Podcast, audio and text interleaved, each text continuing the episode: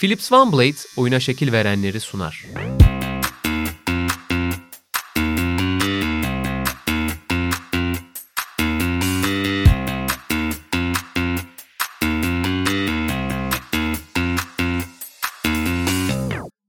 Sokrates'e hoş geldiniz. Philips OneBlade katkılarıyla hazırladığımız Oyuna Şekil Verenler program serimizde artık son bölümdeyiz. 10. ve son bölümde. Bugün ben Can Erener, Can İşbakan'la beraberiz. Can hoş geldin. Hoş bulduk. Seni bu stüdyoda ağırlamak harika. Evet Orada. gerçekten ben de ilk defa buraya giriyorum. Çok hoşmuş. Ne zamandır konuşuyorduk. Bugün de çok güzel bir konu için aslında evet. seninle bir araya geldik. Zaten hayatımız seninle basketbol konuşmak üzerine geçtiği için konuyu değiştirmeyelim dedik. Ne güzel. Oyun, oyuna şekil verenlerde malum kendi sporunu, oyununa saha içinde belki de bazen saha dışında şekil veren sporcuları mercek altına alıyoruz. Bu bölümde de Dejan Bodiroga'yı ele alacağız. Öncelikle ilk Dejan Bodiroga ile ilgili seninle konuşacağız dediğimde aklına ne geldi diye sana burada sorayım. e, telefonda konuşurken onun üzerinden zaten sohbetimize devam ederiz. Ya herhalde hepimizin ilk defa e, atlasına giren o an Stefano Milano zamanı Efes'in Koraç Kupası'nda zirveye oynadı ve sonunda şampiyon oldu. E, o final bölümünde o Tanyevic'in e, Milano'sunda vardı e, Bodiroga ve e, o daha çok genç bir oyuncu. Tabii ki bizim maçı izlediğimiz zamanlar, geri dönüp tekrar tekrar izlediğimiz zamanlarda e, basketbol bilincimizin de yükseldiği her an Bodiroga'nın ne kadar büyük bir oyuncu olduğunu ve bunları yaparken de daha çok küçük olduğunu aslında. Yani 20'li yaşlarda bunları yapmaya başlayan bir oyuncu olması herhalde hepimizi o dönemden iz bırakan hani oyuna şekil vereceğini de net bir şekilde gösteren bir Bodiroga vardı sahada. Biliyorsun Tanyevic'in hayali her zaman uzun büyük beşlerle oynamaktı. E, hatta hikayesinden de biraz bahsederiz sonra ama e, Bodiroga ile beraber işte Fuçka ile beraber o Trieste'den Milano'ya geçen ekiple beraber e, uzun beşini bulurken de Bodiroga o takımın e, birden beşe kadar her şeyi oynayan, topa, topla yön veren işte şimdi artık sahada üç oyuncu kurucunun üç tane topla oynayan oyuncunun beraber oynaması gerektiğinden bahsederken Bodirogo'nun yanında iki tane guardla beraber yapıp üç numarada topla karar veren bütün maçı neredeyse oynayabilecek zekaya ve fiziksel olarak ekonomiye de sahip bir isim. Çünkü onun temposunda ve onun yoğunluğunda oynanırdı o maçlar. Bizim ilk e, basketbol haritamıza giren herhalde anlardan bir tanesi oydu ve o günden bu yana da Bodiroga hep hayatımızda. Ya bir aslında Avrupa basketbol efsanesi konuşmak istedik oyuna şekil evet. verme e, figürü altında.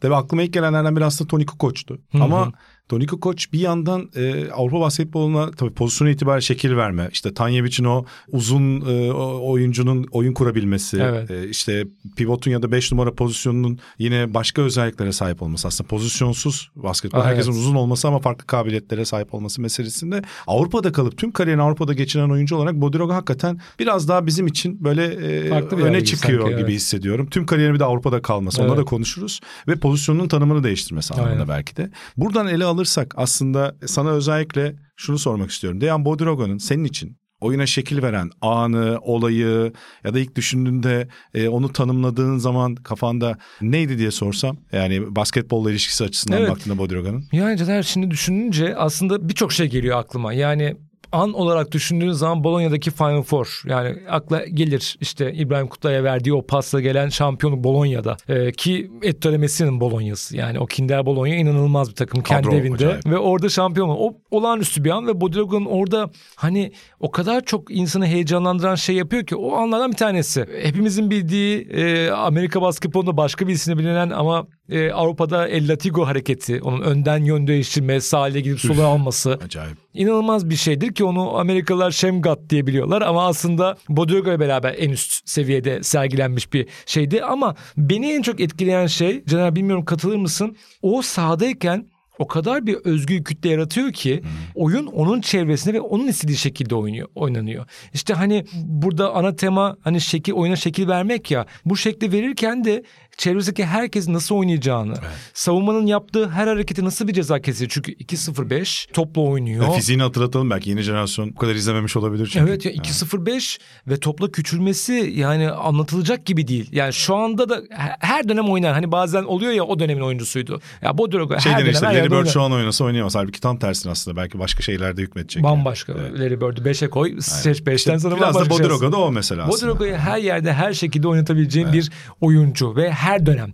Bu olağanüstü bir şey. Beni en çok etkileyen nokta herhalde onun bu yarattığı o oyunu tamamen ele geçirme. Çünkü sırt dönük küçükse hemen sırt dönük oynayıp evet. sayısını atar. Evet. Pick and roll oyunu zaten o ikili evet. oyunlarda büyük olduğu için uzun olduğu için her yerde ne olduğunu görüyor. Böyle bir saha içi koç gibi. Saha içi koç gibi nerede nasıl bir yardım geleceğini düşünüp ve bunları yaparken süper hızlı da değil.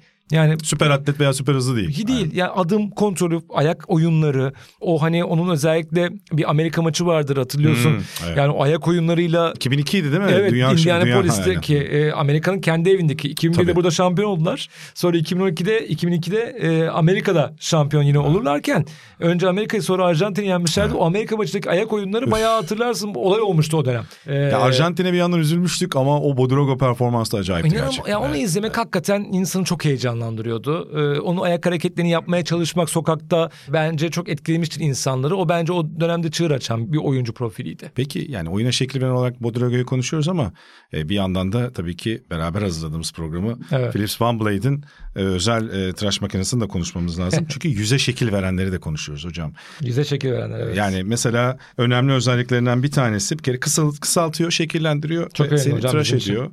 Gerçekten hem e, bir yandan konforlu, güvenli tıraş edebiliyor. Hem bir yandan senin gibi ekran yüzleri içinde çok özel bir avantajı var hocam. Bu başlıklarla beraber farklı ekran yüzleri yaratabiliyorsun.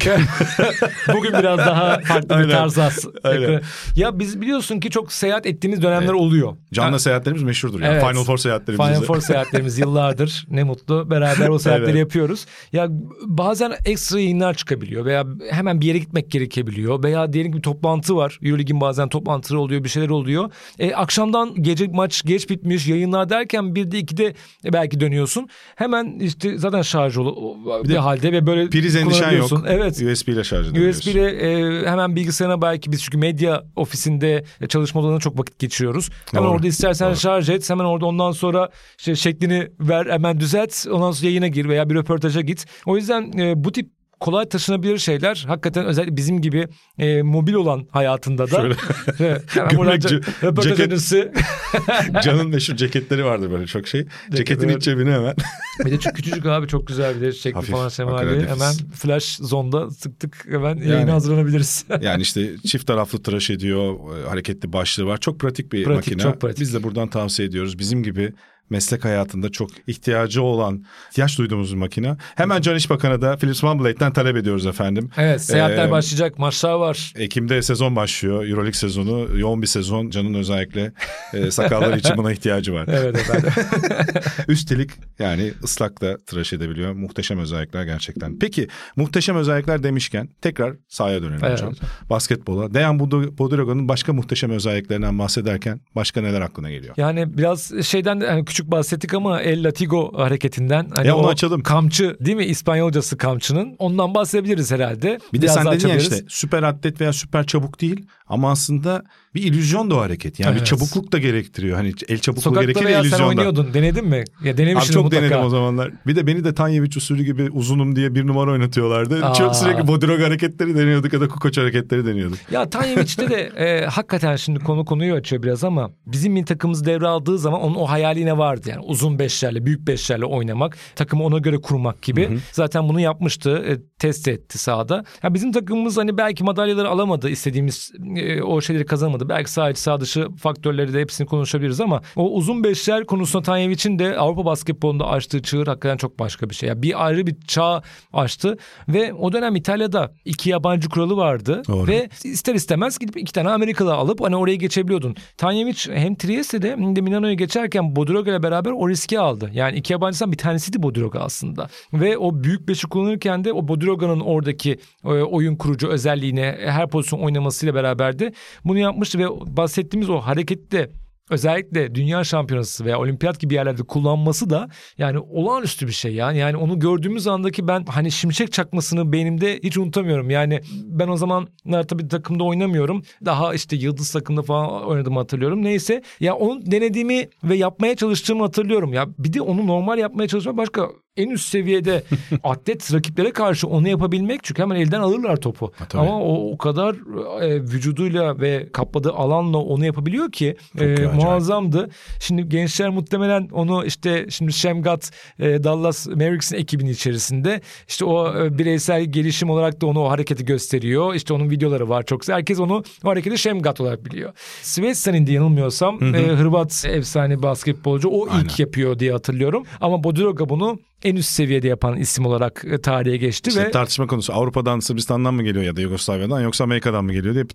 kutup tar- tartışma var Evet orada. aslında yani 2000'li yıllarda basketbolu işte 90 2000 oralarda basketbol biraz daha aşina olan veya işte dönüp yine YouTube'da bir sürü maç var onlardan izley- izleyen seyirciler olursa ya bu Dragon'un bunu en üst seviyede yaptığını görecekler. Ya bu arada şimdi kariyere bakıyorum. Bütün bu oyuna saha içindeki hareketleri, e, saha içinde böyle hafif de o boyla hafif süzülürdü de Evet, böyle topla.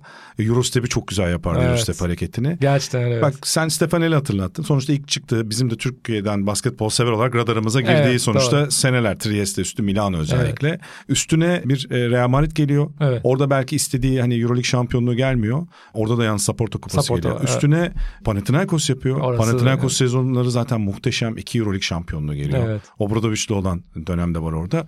Üstüne de Barcelona'da Pesic'le. Hemen Yani çalıştığı koçlar falan da bu arada. Acayip koçlar. Evet. Bütün basketbol efsaneleri çalışıyor. Ee, Yugoslavya'nın milli takımda da aynı şekilde. Evet. 3 Euroleague'di galiba. Üç 2 Euro. Dünya Kupası. Hı hı. Yani başarı Palmares işte 2003 Barcelona kadrosu Bodiroga Yaskevicius, Fuçka, Pesic'te koç. Yani acayip bir şey. İnanılmaz takım Ama oyunun yani. merkezinde evet Yaskevicius gibi bir guard var ama Bodiroga'sız olmayacağını görüyorsun. Evet. Aynı şey sen 2002 işte hatırlattın. E, pası verdi diyorsun. Yani Evet. atışı yapmadı. Halbuki aslında son skor üretme anlamında belki de elindeki en büyük şey opsiyonlardan olabilir, biri. evet. Sırtı dönük oynayabilir, üçlüğü var. Adam ge- adam geçebiliyor deyince şey gibi oldu ama çalım atabiliyor falan. Ama o işte o dediğimiz ayak oyunlarına adam geçiyordu Ve yani. bunu adam bu boyda, eksiltiyordu yani. bu boyda bu fizikte ve o ya- e, hızda olmadan e, yapabiliyor. Olağanüstü bir şey. Gerçekten e, muhteşem bir tanımlaması var.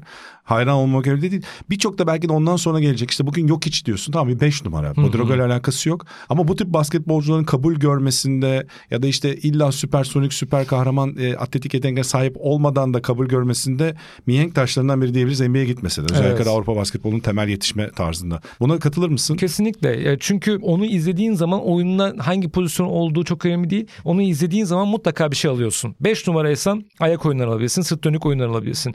4 numaraysan işte oyunu sağ yerleşiminde nasıl pozisyon aldığına, hareketli savunma nasıl hücum ettiğine bakabilirsin. Zaten topla oynayan bir oyuncu olduğun zaman da onun sağ görüşü eşleşmesini nasıl manipüle ettiğine falan bakabilirsin. Yani her şeyi alabilirsin ondan. O yüzden çok büyük bir oyuncu olması nedeni bu.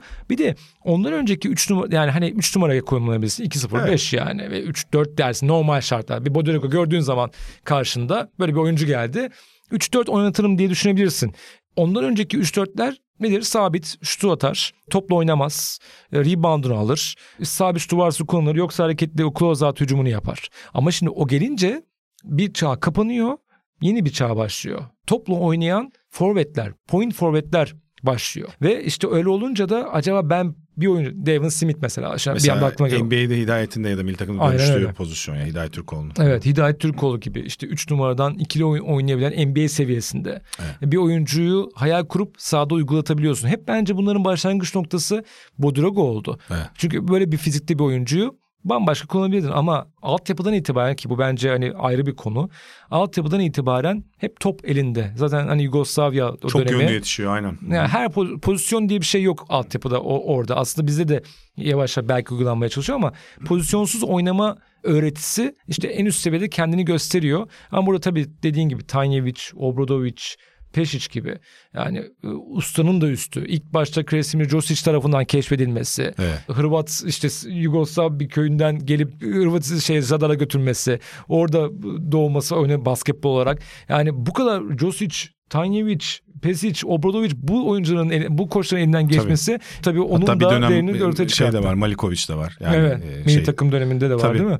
Real Madrid dönemi de galiba Malikovic'leydi değil mi? Yanlış hatırlamıyorum Ee, e, şeyi. Ya Obradovic Bir dönem- ha, bir dönem Obradovic, doğru, Obradovic doğru, sonra doğru. yanılmıyorsam Majkovic olabilir evet. E, Çünkü Treviso'ya gidiyor Doğru, Obradovic. doğru. Orada Majkovic geliyor diye hatırlıyorum Aynen, ben de. Ya bu kadar büyük üsta, üstadlarla beraber çalışıyor ama kimse de ya bu kadar ismin için hani onu ya bu iyi ama şöyle farklı bir şey oynayalım demiyor. Hep o kim gelirse gelsin veya hangi koç onunla çalışırsa çalışsın o hep merkezde. O hep oyunun hep ana noktasında. Ya bu arada şimdi Bodiroga'ya baktım bu kadar koçla çalıştı diye anlatıyoruz, konuşuyoruz. E, kimlere temas etti diye ama hiç koçluk yapmak istemedi ve koçluk yapmadı. Gerçekten ve hatta hemen Virtus Roma'da son bir kariyer Aynen. dönemi var. NBA'ye gitmedi. E, artık basketbolla ilişkisinde e, hani biraz belki de doymuşluk o kadar kazanmadığı kupa yok başarı yok e, kariyerine NBA Evet. hariç yani NBA'ye gitmediği için. Bir yandan da orada kendine tatmin olarak genelde eski büyük bu kadar kariyerli bu kadar winner oyuncuların yöneticiliğe geçmesindense koçluğa geçmesi daha şey oluyor. Çünkü Evet. o, hani o kazanma hırsını görmek açısından ya da hissetmek.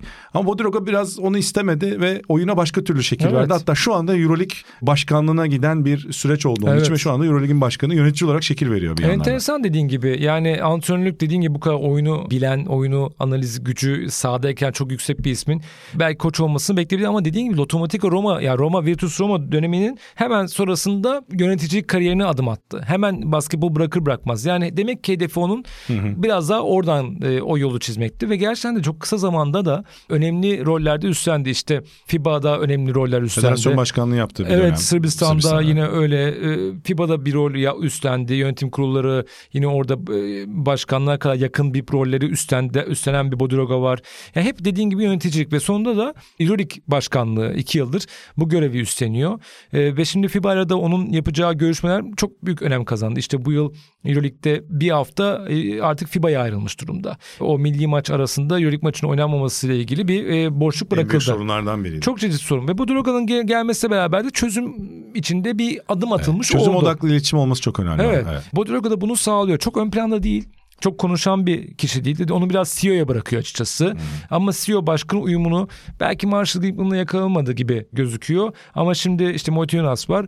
Ama Eski Žalgiris yöneticisi. Eski Žalgiris yöneticisi. Ama sonuçta Bodiroga daha çok o takımlarla ilişki. Onun özellikle o belki de e, yıldız görüntüsü ve onun o belki kimyası kulüplerin içinde de o ağırlığını Bir hissettiriyor. de bu son dönemde oyuncu hakları açısından da şimdi Evet. işte Datome'nin de en son başkanlığını yaptığı. Şimdi başkanlık Oyuncular başka Birliği. birisine geçti galiba da unuttum. Ee, Euroleague Oyuncular Ee, Birliği. yani Evet, orada da mesela eski bir basketbolcu olarak o iletişimi sürdürebilmesi, sendikal haklar veya işte biraz daha Euroleague'in daha profesyonel bir yapıya kavuşması açısından önemli gerçekten. Evet. Çok zeki bir basketbolcuydu.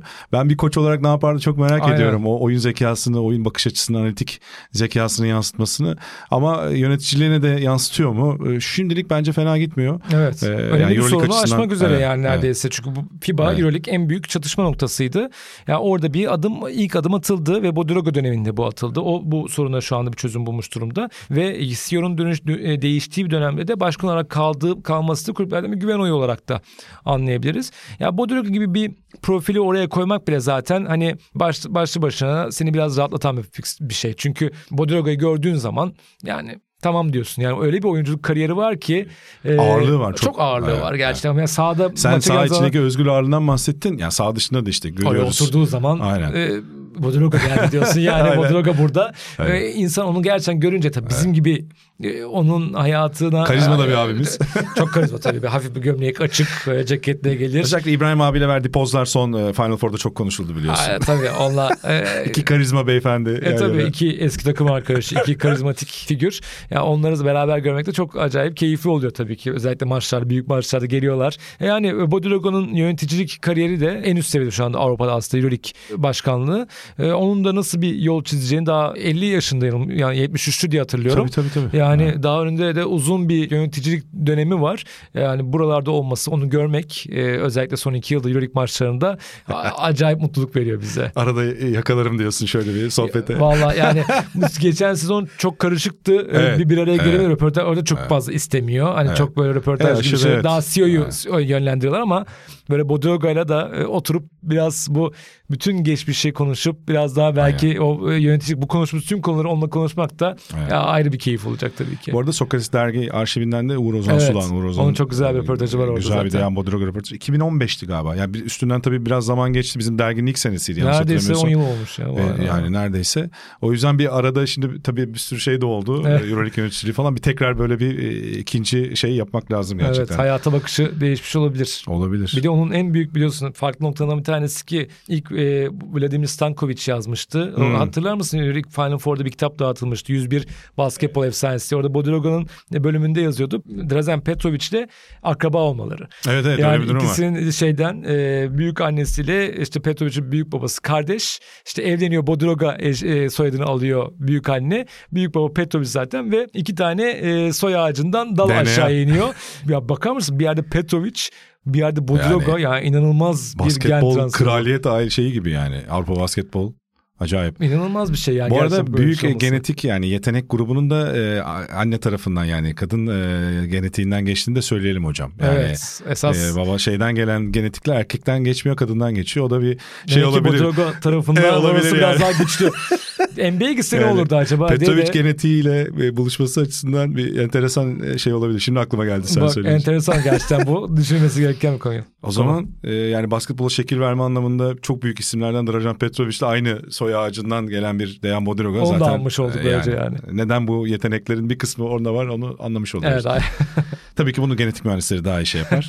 e, can ağzına sağlık. Valla özlemişim sohbeti. Aynen ben de. Güzel. Bu yaz biraz tabii ki bir araya gelemedik, konuşamadık. Aynen. Bir küçük bir sen tabii yoğunsun ama bizim basketbol bölümü biraz daha boş kaldı.